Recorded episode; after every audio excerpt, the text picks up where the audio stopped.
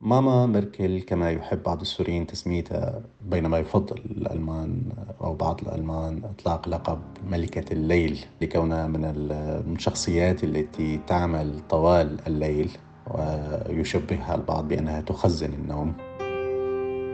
هذا صوت الصحفي السوري لؤي غبرة يحدثنا عن المستشارة الألمانية أنجيلا ميركل والتي ستودعنا بعد أربع دورات خلال 16 عاماً لتنهي خدماتها في منصب الاستشارية لماذا علينا أن ننشغل بذلك ونفكر بهذا الأمر لأن المستشارة التي بلغت حالة الرضا عن أدائها لدى الألمان خلال الستة عشر عاماً إلى نسبة 72% خفضت مستوى البطالة في ألمانيا من 12.9% إلى 4.9%. وأنقذت أيضا دول اليورو من الأزمة الاقتصادية عام 2008 وحولت عجز الميزانية البالغ 3.5 عند وصولها إلى فائض قدره 3% من الناتج الإجمالي المحلي. أيضا حولت 88% من طاقة ألمانيا إلى طاقة نظيفة وفق خططها لعام 2022 الأهم على الإطلاق هو ملف اللاجئين وسياسة الباب المفتوح التي اتبعتها. فهل سينجح الزعيم الجديد في حمل التركة التي سيستلمها عن ميركل؟ هذا ما سنتحدث عنه في حلقة اليوم من بودكاست في عشرين دقيقة وسيكون ضيفي الصحفي السوري لؤي غبرة كما ذكرنا ليخبرنا تفاصيل كثيرة عن أنجيلا ميركل. هذه المرأة استطاعت فعلا منذ توليها لمنصب المستشارة في ألمانيا عام 2005 أن تذهب بالحزب يعني حزب نقلته من التوجه اليميني الوسط إلى الوسط تماما وبأحيان كثيرة ذهبت فيه إلى اليسار الوسط. آه هذا الشيء كان طبعا بفترة من الفترات تحدي كبير. لأول مستشارة امرأة في ألمانيا. في إنجاز هذا المسألة وبالتالي كان تحضير الجو الداخلي أو تحضير حتى الحزب أو رفاقة بالحزب لحتى تكون هي عم تعمل تغيير من نوعها.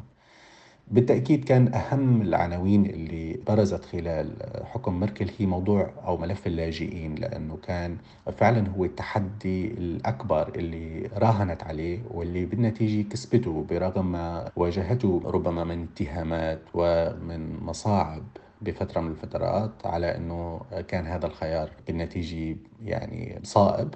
برغم كل الحالات الفردية أو المآخذ التي حاول خصوم ميركل أنه يواجهوها فيها. فيمكن هذا كان أهم شيء بأنه فعلا هي أحد استطاع أنه يفتح الباب لأكثر من مليون وثلاثمائة ألف لاجئ. منحتهم الفرصة لأنه يرجعوا يعيدوا وينظموا حياتهم ويرجعوا يبدوا من جديد بالوسائل المتاحة بالبلد. وهذا الشيء بالتأكيد كان له أثر إيجابي كمان على خلينا نسميه على المحيط الأوروبي لأنه آه، أيضا هي أثرت بهاي السياسة أثرت بسياسة الأوروبيين اللي آه، صارت يعني آه، تشير بالبنان للدول اللي كانت عم تعترض على استقبال اللاجئين وحولتها لدول فعلا معزولة نوعا ما أو أو بالسياسة ما أنا يعني ما عندها الصورة الإيجابية. اللي آه، بظل هاي الأزمة الإنسانية الكبيرة. هنا يحضرنا سؤال. هل هذه الإنجازات مرهونة فقط بميركل؟ وماذا عن خلفها؟ غبرة سيجيبنا. بالتأكيد لا ولكن لولا ميركل لما كان فعلا مشت الأمور بهي الطريقة. فبالفعل هي من القادة السياسيين الذين ربما لن يتكرروا في تاريخ الألماني والأوروبي لأنها فعلا استطاعت خلال طبعا مدة طويلة من حكمها. يعني حتى سبتمبر المقبل تكون تقريبا أنهت 16 عاما بالحكم. وهذا الشيء أيضا ربما هو دليل كافي على ما استطاعت هذه المرأة تحقيقه. أما أول أمس في السادس عشر من يناير كانون الثاني وفي أجواء غير عادية وفي مؤتمر ألقت جائحة كورونا بظلالها عليه انتخب الحزب المسيحي الديمقراطي في ألمانيا زعيما جديدا له. في مسعى لتوحيد صفوف الحزب المنقسم واملا أن يصبح هذا الرئيس المستشار القادم للبلاد عندما تتنحى أنجيلا ميركل بعد الانتخابات الاتحادية في سبتمبر أيلول القادم من هذا العام. وفاز بجولة الإعادة في الانتخابات على رئاسة الحزب المسيحي الديمقراطي رئيس حكومة ولاية شمال الراين نوردراين فيستفالن. وكانت الانتخابات داخلية لاختيار رئيس جديد خلفا لوزيرة الدفاع الحالية آنيغريت كرامب كارينباور في أول خطوات تحديد خليفة المستشارة أنجيلا ميركل. سيحدثنا عن هذه الانتخابات أيضا الصحفي لؤي غبرة. بما يخص الانتخابات التي جرت مؤخرا والخاصة بحزب الاتحاد الديمقراطي المسيحي الذي تنتمي إليه المستشارة الحالية هو طبعا كان أهميته تنبع من أنه أي أحد هو بيتولى رئاسة هذا الحزب فهو بيصير أمامه الفرصة الأكبر لتولي منصب المستشار في ألمانيا. لهذا السبب كان هناك هذه الحماسة الكبيرة وهذا التركيز إن كان في الإعلام وإن كان ب... لأن المسألة لا تخص فقط شأن حزبي داخلي وإنما هي أيضا آه، تعطي المؤشر حول من سيخلف ميركل في المستشارية أو في منصب المستشارية في سبتمبر المقبل. المسألة بالتأكيد ليست محسومة بشكل كامل لأن هناك شركاء آخرين في مثل حزب الحزب البافاري حزب الاجتماعي المسيحي آه، والذي أيضا يعتبر رئيسه زودا من الأشخاص يعني الذين لديهم حضور سياسي قوي. ولكن يبقى الحزب الأبرز المسيطر بالتأكيد هو حزب ميركل حزب الاتحاد الديمقراطي المسيحي. لذلك كان من المهم أن يصل إلى هذا المركز ربما شخص لن يعرض ما تم إنجازه في ألمانيا إن كان فيما يخص ملف اللاجئين وموضوع الاندماج وأيضا مواجهة أو تغيير حتى في كثير من المناحي مثلا مثل التخلي عن إنتاج الطاقة من خلال الطاقة النووية الاستبدال ببدائل طبيعية. وهذا هذا أيضا إنجاز آخر موضوع إلغاء التجنيد الإجباري. هناك أشياء كثيرة استطاعت ميركل ربما الوصول لحلول فعلية لها خلال فترة ترأسها للحكومة. من هو أرمين لاشيت الذي من الممكن أن يقود الانتخابات العامة القادمة ويخلف ميركل كمستشار لألمانيا؟ ولد لاشيت لعائلة كاثوليكية ملتزمة في إقليم فالونيا ببلجيكا كان أجداده من والده من أصل بلجيكي وهو سياسي ألماني حصل على شهادة في القانون وعمل كصحفي قبل وأثناء حياته السياسية المبكرة في عام 1949 انتخب عضوا في البوندستاغ الألماني وفي عام 1999 أصبح عضوا في البرلمان الأوروبي ثم عضوا في حكومة ولاية شمال الراين كوزير في مجلس الوزارة في 2005 وفي عام 2012 أصبح لاشيت رئيسا لحزب الولاية وانتخب منذ 27 من يونيو حزيران 2017 رئيسا لولاية شمال الراين أكبر ولاية في ألمانيا من حيث عدد السكان. أيضا لاشيت يعمل كواحد من خمسة نواب لرئيس الاتحاد الديمقراطي المسيحي الألماني CDU وكزعيم للحزب في ولايته ومؤخرا في السادس عشر من يناير انتخب رئيسا للحزب. سنستمع مجددا للزميل الصحفي لؤي غبرة وحديثه عن لاشيت. وصول أرمين لاشيت الذي دعم بكل المراحل أنجيلا ميركل وهو كان من الأشخاص فعلا الذي لم يتخلى أو لم يكن لديه أي اعتراض على سياساتها. يعني يوصف بالداعم فعلا الأبرز وهو الشخص الوحيد من بين المرشحين لرئاسة الحزب الذي كان يتولى منصب رئاسة وزراء أيضا فهو كان رئيس وزراء أو ما زال رئيس وزراء ولاية شمال الراين اللي هي أكبر ولايات بألمانيا لهيك هذا الشخص كان آه، فوزه هو بمثابة تأكيد على أنه مسار ميركل آه، أو خطه السياسي سيبقى مستمرا. وبالأساس هو آه، يعني سبق وأن صرح بهذا الشيء بأنه سيواصل ما عملت عليه المستشارة الألمانية وسيتبنى ذات الفكر والخط السياسي. وبالتالي هذا يعني أنه سيتعامل بنفس الطريقة فيما يخص ملف اللاجئين بما يخص الاندماج بما يخص يعني توفير بيئة مناسبة لأن تكون ألمانيا ألمانيا منفتحة ألمانيا التي فعلا هي قلب الاقتصاد الأوروبي وعصب الاقتصاد الأوروبي وأن تكون فعلا مؤهلة لأن تفتح كل الفرص للاستفادة من كل الطاقات دون استثناء إن كان على معايير يعني انتماء أيا كان.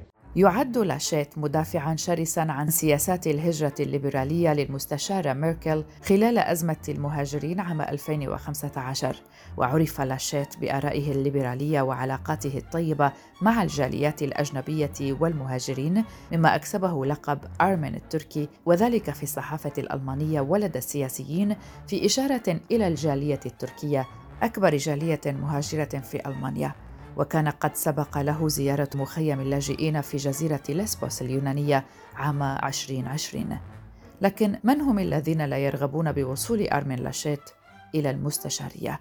من جديد الصحفي لؤي غبرة طبعا هذا الفوز أيضا هو خاصة آه، أنه أقصى المرشح اليميني فريدريتش ميرتس الذي كان سبق وأن صرح بأنه يريد مرة ثانية إعادة الحزب إلى اليمين طبعا مبررا بأنه آه، هناك آه، أعضاء كثر أو ممن تركوا الحزب وذهبوا إلى أحزاب متطرفة بسبب انجراف الحزب إلى اليسار. طبعا لأنه هذا الحزب هو بشكل أو بآخر هو بيتبنى القيم المسيحية القيم آه، المحافظة. فبالتالي ذهاب به إلى اليسار أو الوسط هو كان آه، يعني تحدي كبير خاصة مثلا فيما يخص ما سبق وأن صدر قبل آه، سنوات قليلة بما يخص مثلا السماح بزواج المثليين بما يخص أيضا إجراءات كثيرة في الشأن الاجتماعي كانت لفترة طويلة محظورة. ولكن هذا الخط مرة أخرى الذي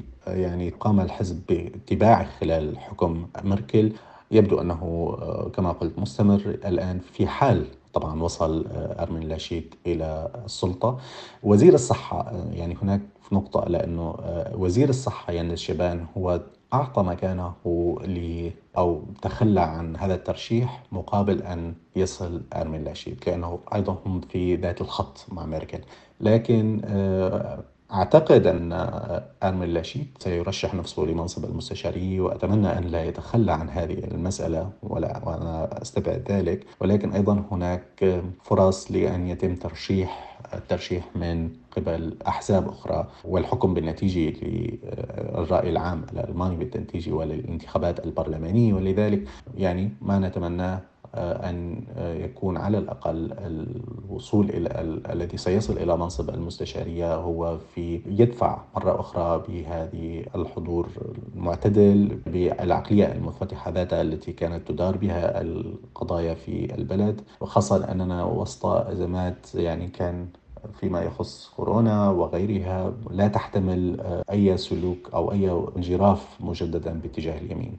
يقدم لاشيت نفسه على أنه امتداد لميركل، ماذا ستترك خلفها لمن سيخلفها إن كان هذا الخلف لاشيت أو غيره من منافسيه؟ ستترك خلفها يعني تركة كبيرة من العمل السياسي ومن الإنجازات. إذا لاحظنا حتى خلال السنوات القليلة الماضية كانت ألمانيا تقود أدوار دبلوماسية مهمة إن كان في الأزمات التي حصلت في ليبيا وفي سوريا وفي تركيا وفي لبنان وفي أكثر من مكان وفي الشرق المتوسط. فكانت دائما يعني تقود هذه المبادرات وتحاول أن تعمق وتكرس ضرورة الدبلوماسية في العمل. يعني هذا في الشأن الخارجي أيضا هو مهم جدا خاصة بعد هذه الموجة من الشعبوية والتطرف التي شهدها العالم والتي كان أيضا من ضمنها تحدي وجود شخص مثل دونالد ترامب في سدة الرئاسة الأمريكية ولكن بكل هذه الأزمات تفوقت الدبلوماسية الألمانية هذا على الأقل بالشأن الخارجي. الكل يتمنى أن تذهب ألمانيا أبعد من ذلك وأن تستمر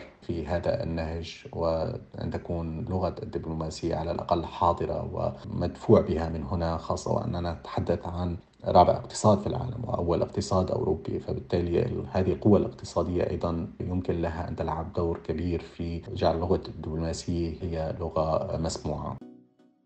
ويتعين أن يوافق رسميا رئيس ألمانيا فرانك فالتر شتاينماير على الاقتراح الذي طرح خلال الاجتماع لمجلس الوزراء. وايا كانت النتيجة فإن الانتخابات ستطوي حقبة حكم ميركل بعد كل هذه الأعوام.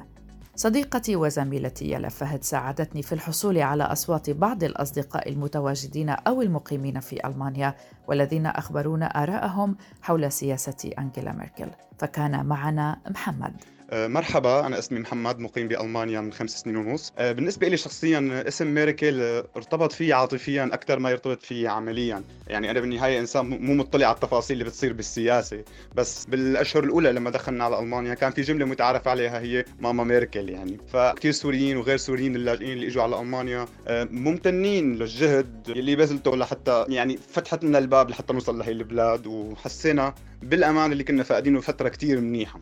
بالنسبة لي شخصيا عم بحكي حسيت إنه أنا مطالب رد الجميل وبنفس الوقت أنا مطالب إنه أنا بأمان قادر أشتغل على حالي وامن مستقبلي. فما عاد كثير خصيت حالي بأمور السياسة ومين ممكن يستلم وإذا استلم ممكن في جملة كمان معلش خليني أضيفها إنه كثير بسمع إنه شو مين استلم نضب الشنات ابدا ما بفكر بهالموضوع. اشتغلت على حالي درست حاليا بشتغل شغلين وقريبا راح أحصل الإقامة الدائمة بإذن الله. نحن لازم نرد الجميل لهي البلاد نكون ممنونين لوصولنا لهذا المكان اللي نحن فيه. وصديقة أخرى فضلت عدم ذكر اسمها كان لها رأي مختلف تماما ولم تظهر اهتماما بميركل وسياساتها ولا حتى بمن سيخلفها. هلا بخصوص ميركل وباقي السياسيين أنا بالنسبة لي كلهم نفس السلوكيات يعني نفس نفس الطقم بحسهم. عرفتي؟ إنه إنه ما في ما في هيك سياسي إنه بيشتغل آه، بشكل فردي لأنه هذا الشيء مستحيل أكيد. أه وميركل يعني ما بعرف إذا هي بتفرق عن باقي السياسيين. يمكن هي أحسن شوي. بس بالنهاية اللي صار بسوريا واللي وهلأ الناس اللي بالحدود الناس اللي عم بتموت آه، بصربيا بالبوسنة بالبحر بالظروف المعيشية السيئة. آه، حتى هون إذا بدي أحكي هون عن برلين بغض النظر عن اللاجئين هون ببرلين مثلا المشردين العالم الفقراء العالم حياتهم صعبة. فهذا بثبت إنه لا الحكومة ما ما شغلة كتير منيحة. لنتمسك فيها وإنه نخاف إنه تروح.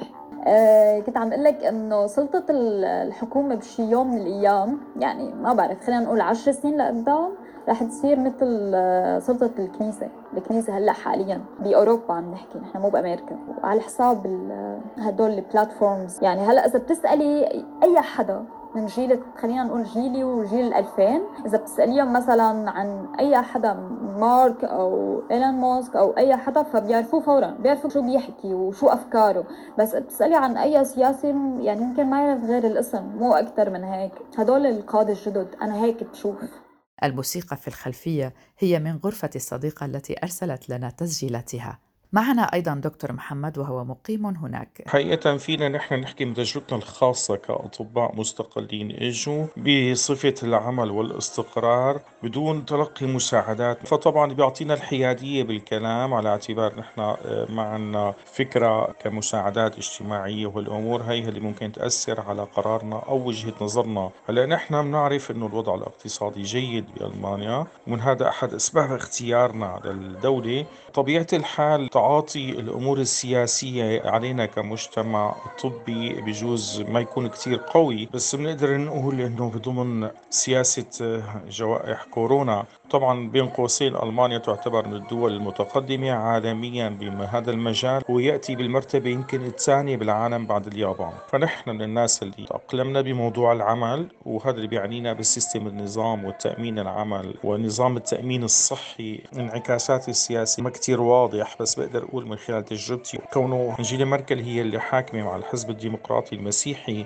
من قبل ما نجي من فترة طويلة. حقيقة نحن ما بنعرف التغيير على اللي قبلها بس بنعرف الناس كانوا يحبوها هون بيعني المواطنين الألمان هو السياسات الداخلية وليس الخارجية. كانوا يتدخلوا بموضوع اللجوء. على اعتبار هذا هو صار قرار داخلي. فكان شيء معه وشيء ضد وكان جدلي كتير بس هي أثبتت للناس أنه كان قرار صائب لأنه هو تقاطع مصالح مو موضوع إنساني. يعني هي أتت بناس أول شيء عندهم الشريحة الشبابية كبيرة وهذا اللي بدور عليه ألمانيا. الشغلة الثانية أتت لهم بعمال وموظفين لفرص عمل كثيرة موجودة. ما موجود مين يرعاها؟ وهذا ساهم كثير برفع الاقتصاد الألماني. اليوم ضيوفنا أرسلوا لنا تسجيلاتهم مع خلفيات موسيقى خاصة بهم وعلى ذوقهم.